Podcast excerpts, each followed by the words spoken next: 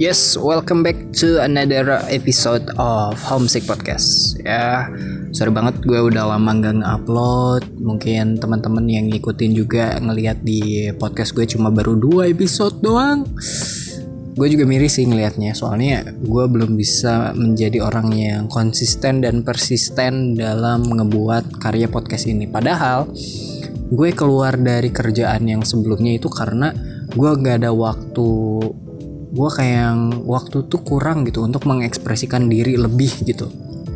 Alhasil gue keluar dari kerjaan gue yang sebelumnya dan ketika gue udah keluar dan gue jadi seorang ya mungkin gue lebih enjoy di dunia kerja yang satu ini banyak waktu gue. Nah karena mungkin kebanyakan waktu gue juga jadi bingung gue mau ngapain gitu dasar ya orang Indonesia. Ya sama aja lah kayak misalnya lu dikasih hujan habis itu lu ngeluh. Lu dikasih panas lu ngeluh. Ya tinggal dikasih hujan air panas bengong nanti kan. Nah jangan sampai gitu. Kenapa gue bikin episode yang ini judulnya gara-gara Raditya Dika. Emangnya kenapa sih Raditya Dika ya jadi sebelumnya ya, lima bulan ke belakang ini gue pertama kali nge-subscribe channel YouTube-nya Raditya Dika. Soalnya gue suka sama konten horor yang dia bawa di channel YouTube-nya itu. Alhasil, gue subscribe channel YouTube-nya Raditya Dika. Nah, gue jadi mulai penasaran nih sama sama isi channelnya Raditya Dika yang cara dia bergaul, terus dia Well, yang pertama episode pertama bukan episode pertama ya, video pertama yang gue tonton dari channel YouTube-nya Raditya Dika adalah makan siangnya CEO sama makan siangnya karyawan. Itu keren banget sih menurut. Yang akhirnya gue jadi penonton setianya Raditya Dika, walaupun jarang like ya gue ya. Aduh miris. Nah, abis itu sore ini tanggal 12 November 2020 gue dapat notifikasi nih dari channel YouTube-nya Raditya Dika ada video baru yang Raditya Dika upload. Judulnya Cara Menjadi Kaya. Nah, buat lo yang penasaran langsung cek aja di YouTube channelnya Raditya Dika di Raditya Dika tentunya. Cara Menjadi Kaya.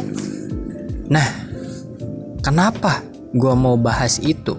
Karena setelah gue nonton video ini, kan kalau misalnya gue kayak misalnya baca buku gitu, baca buku pasti ada aftertaste-nya dong kalau misalnya lu mencicipi sesuatu at least makanan gitu makanan atau minuman yang alhasil lu pasti ada after effect gitu setelah lu mengkonsumsi makanan itu atau minuman itu ada aftertaste-nya ada rasa sesudah itu gitu dan di video yang kali ini gue dapet rasa kalau misalnya gue ketampar banget guys di di poin yang pertama. Kenapa? Poin yang pertama itu adalah cari keahlian yang kamu penasaran secara intelektual. Pertama, itu poin pertama oke. Okay? dan gue langsung ketampar. Soalnya gue tahu potensi gue di mana gue sukanya di mana dan gue penasaran di mana.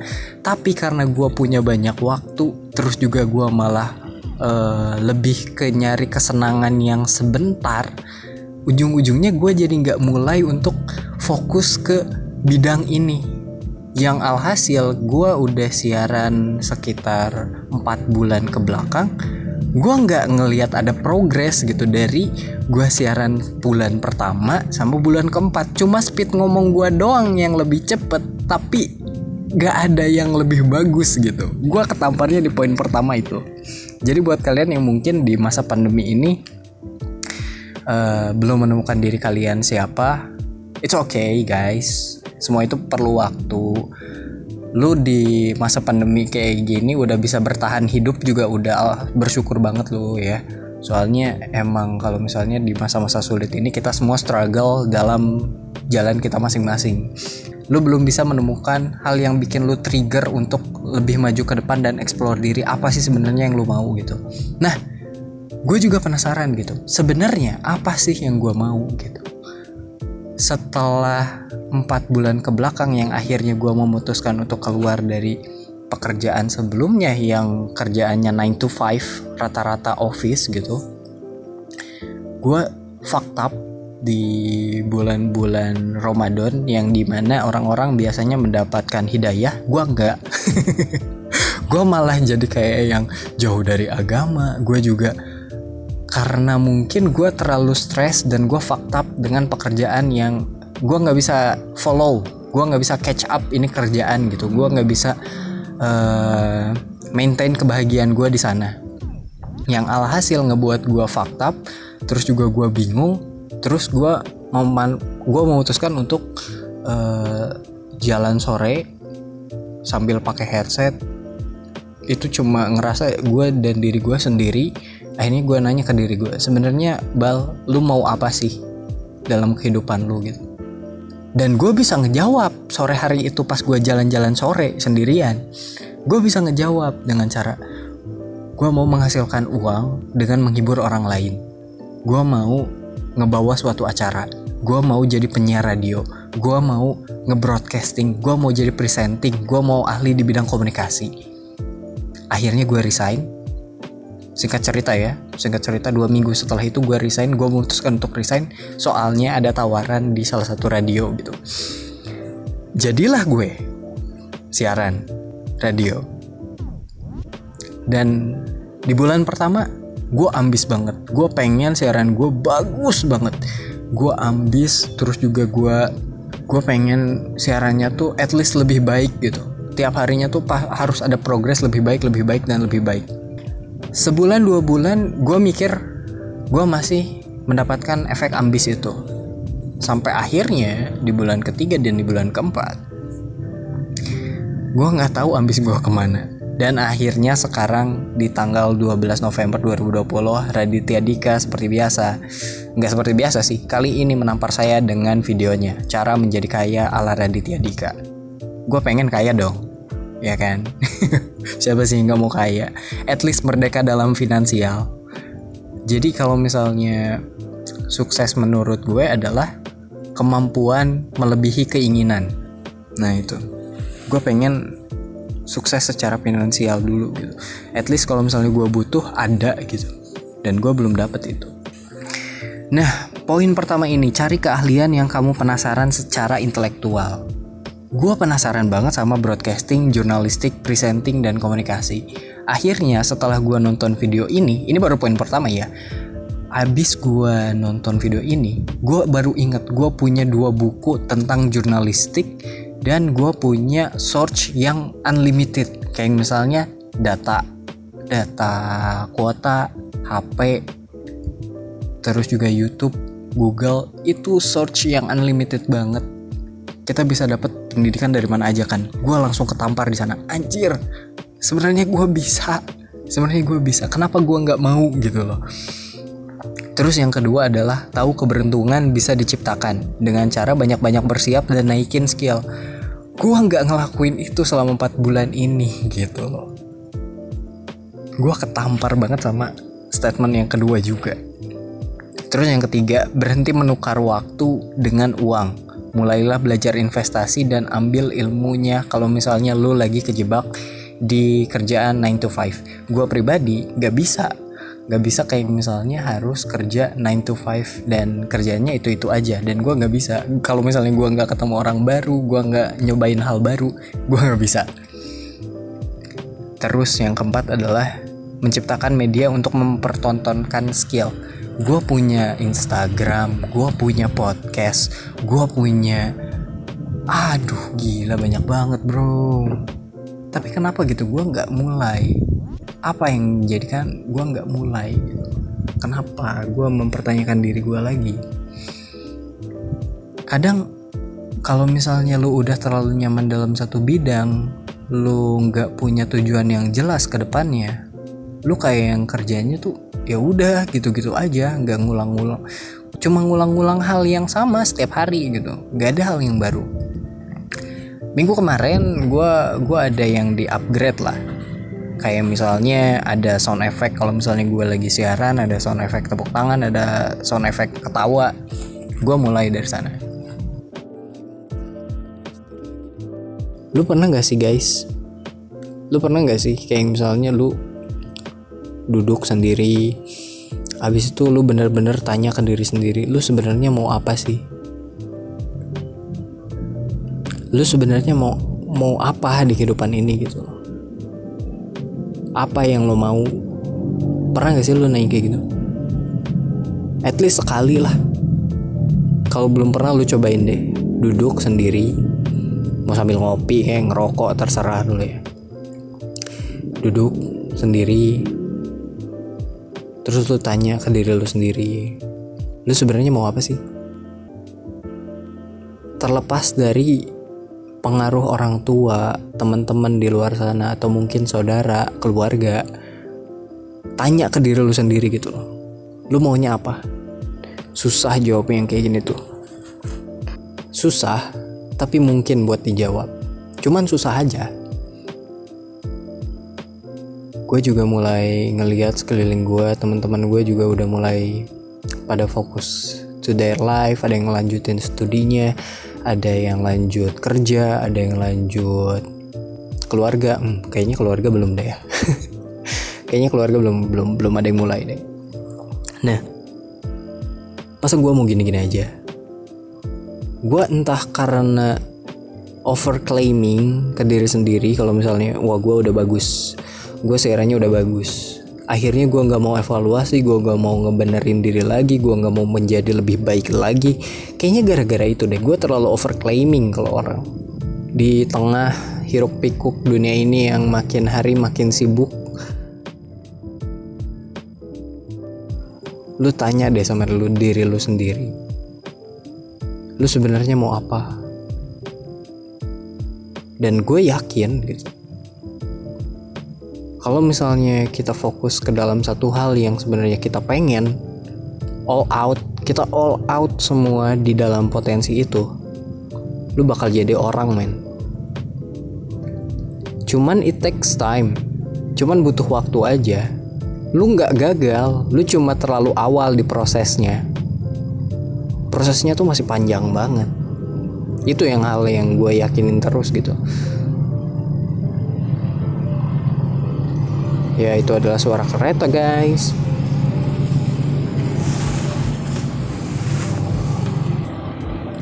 Gue kadang mempertanyakan diri sendiri gitu.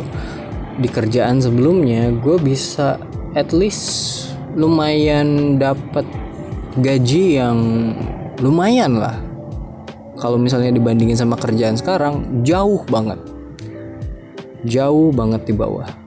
Tapi gue punya waktu selama 4 bulan ini gue cuma siaran 5 jam 5 jam sehari 5 jam. Gue punya waktu banyak banget berarti. Ada 19 jam. Dan selama 4 bulan ini gue nggak ngapa-ngapain. Gila gak tuh men. Penyesalan itu perlu ya. Penyesalan itu perlu supaya kita nggak ngulang lagi di ke depannya. Penyesalan yang terlalu larut itu yang nggak boleh. Soalnya waktunya jadi nggak kepake. Nah itulah momen momen itu yang biasanya orang-orang terpuruk mikirin wah dulu dulu. Gue nggak mau jadi tipe orang yang wah dulu saya pernah siaran radio di sini di sini di sini. Nggak mau. Ya itu dulu lu sekarang jadi siapa? Nah gitu.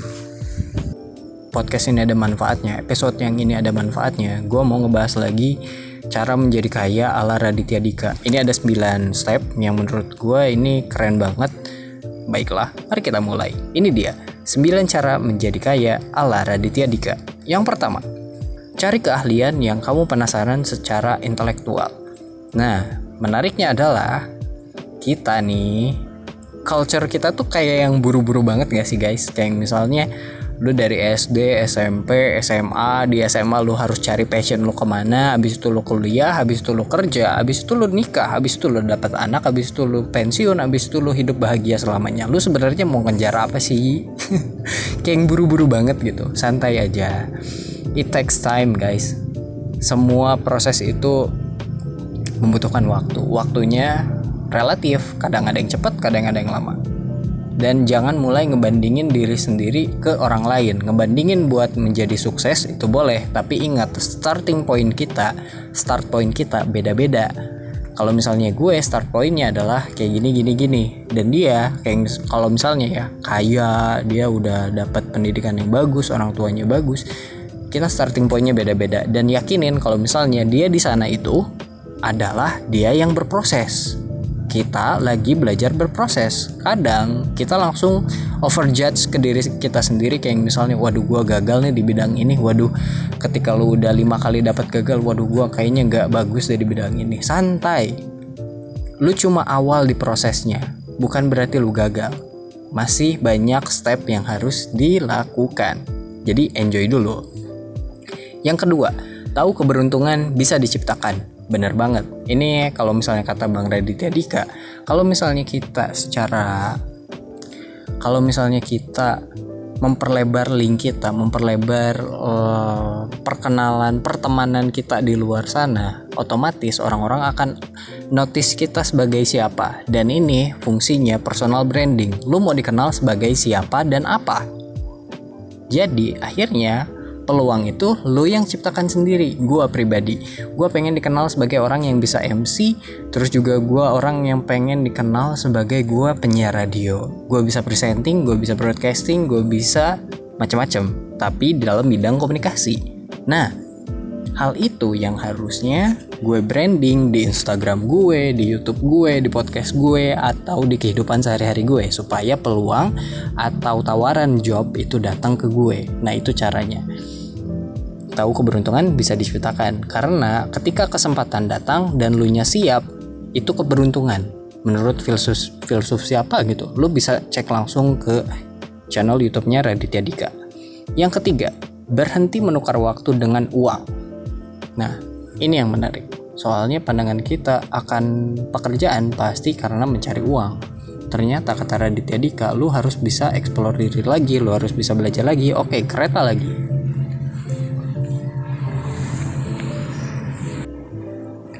Yap, balik lagi. Berhenti menukar waktu dengan uang. Lu bisa belajar investasi. Gue pribadi masih mempelajari ya hukum investasi ini sebenarnya kayak gimana gitu. Hukum saham ini sebenarnya kayak gimana sih. Dan nanti gue bakal pelajari itu deh. Dan ambil ilmunya. Kalau misalnya lu lagi kejebak di works office atau mungkin lu nggak kerja di sesuai passion lo, itu nggak masalah ya kalau misalnya lu nggak apa namanya ya lu terjebak dengan siklus kerja yang kalau lo misalnya nggak bekerja sesuai dengan apa yang lu passion itu nggak masalah guys. Lu masih punya hari libur lu masih punya sabtu minggu untuk ngelakuin passion lo Intinya lu masih bisa ada waktu untuk melakukan passion yang lu, lu mau, lu suka di hari libur. Jadi kalau misalnya lu yang lu yang belum bisa belum bisa melaksanakan passion sebagai pekerjaan santai masih ada hari libur. Dan buat lu juga nih yang udah ngelakuin kerjaan sesuai passion lo kalau misalnya lu bosen lu mau ngerjain apa coy?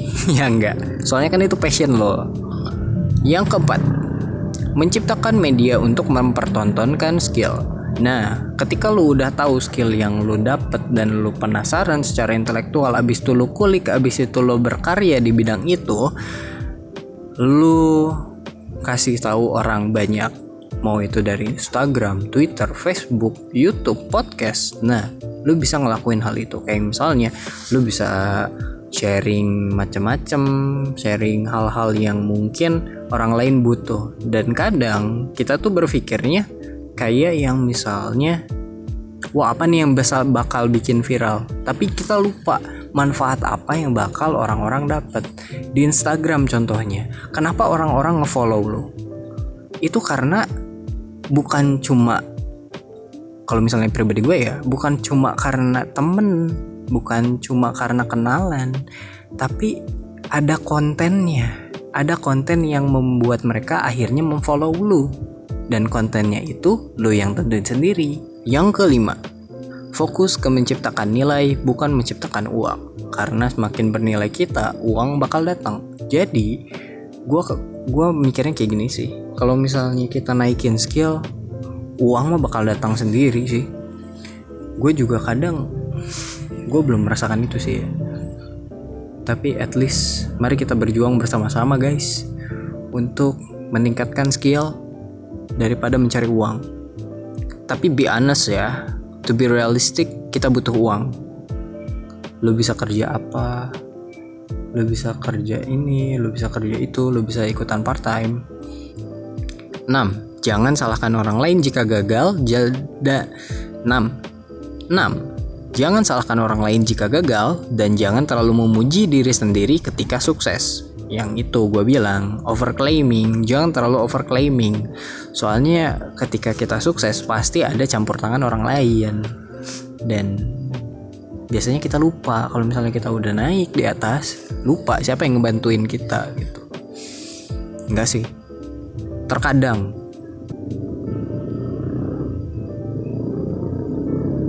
Ya suara motor. Dan jangan salahkan orang lain jika gagal gagal itu kayak yang gue bilang lu bukan gagal tapi lu masih terlalu awal di proses jadi laksanin terus proses itu. Yang ketujuh, jangan fokus terhadap status. Yang makin ke sini dari poin 7 sampai 9 gue kayaknya nggak akan ngebahas lu udah paham sendiri ya. Jangan fokus jangan fokus terhadap status. Yang kedelapan, mik coba pelajarin mikro dan makro ekonomi. Cara ekonomi bekerja di suatu negara, perusahaan dan perorangan. Terus juga 9, kaya pelan-pelan adalah cara yang terbaik jadi kayak pelan-pelan itu adalah cara terbaik menurut Raditya Dika. Dan itu adalah 9 cara menjadi kaya ala Raditya Dika. Yang menampar gue soalnya selama 4 bulan ini. Setelah gue melakukan pekerjaan yang menjadi kewajiban gue kadang-kadang gue juga bingung sendiri gue mau ngapain. Akhirnya gue berakhir dengan nge-youtube gue main game di hp gue jalan-jalan gak jelas. Yang akhirnya membuat saya seperti itu. Dan kembali tertampar oleh Raditya Dika. Dari episode ini gue mau ngucapin thank you banget buat Raditya Dika yang udah nge-upload video tersebut.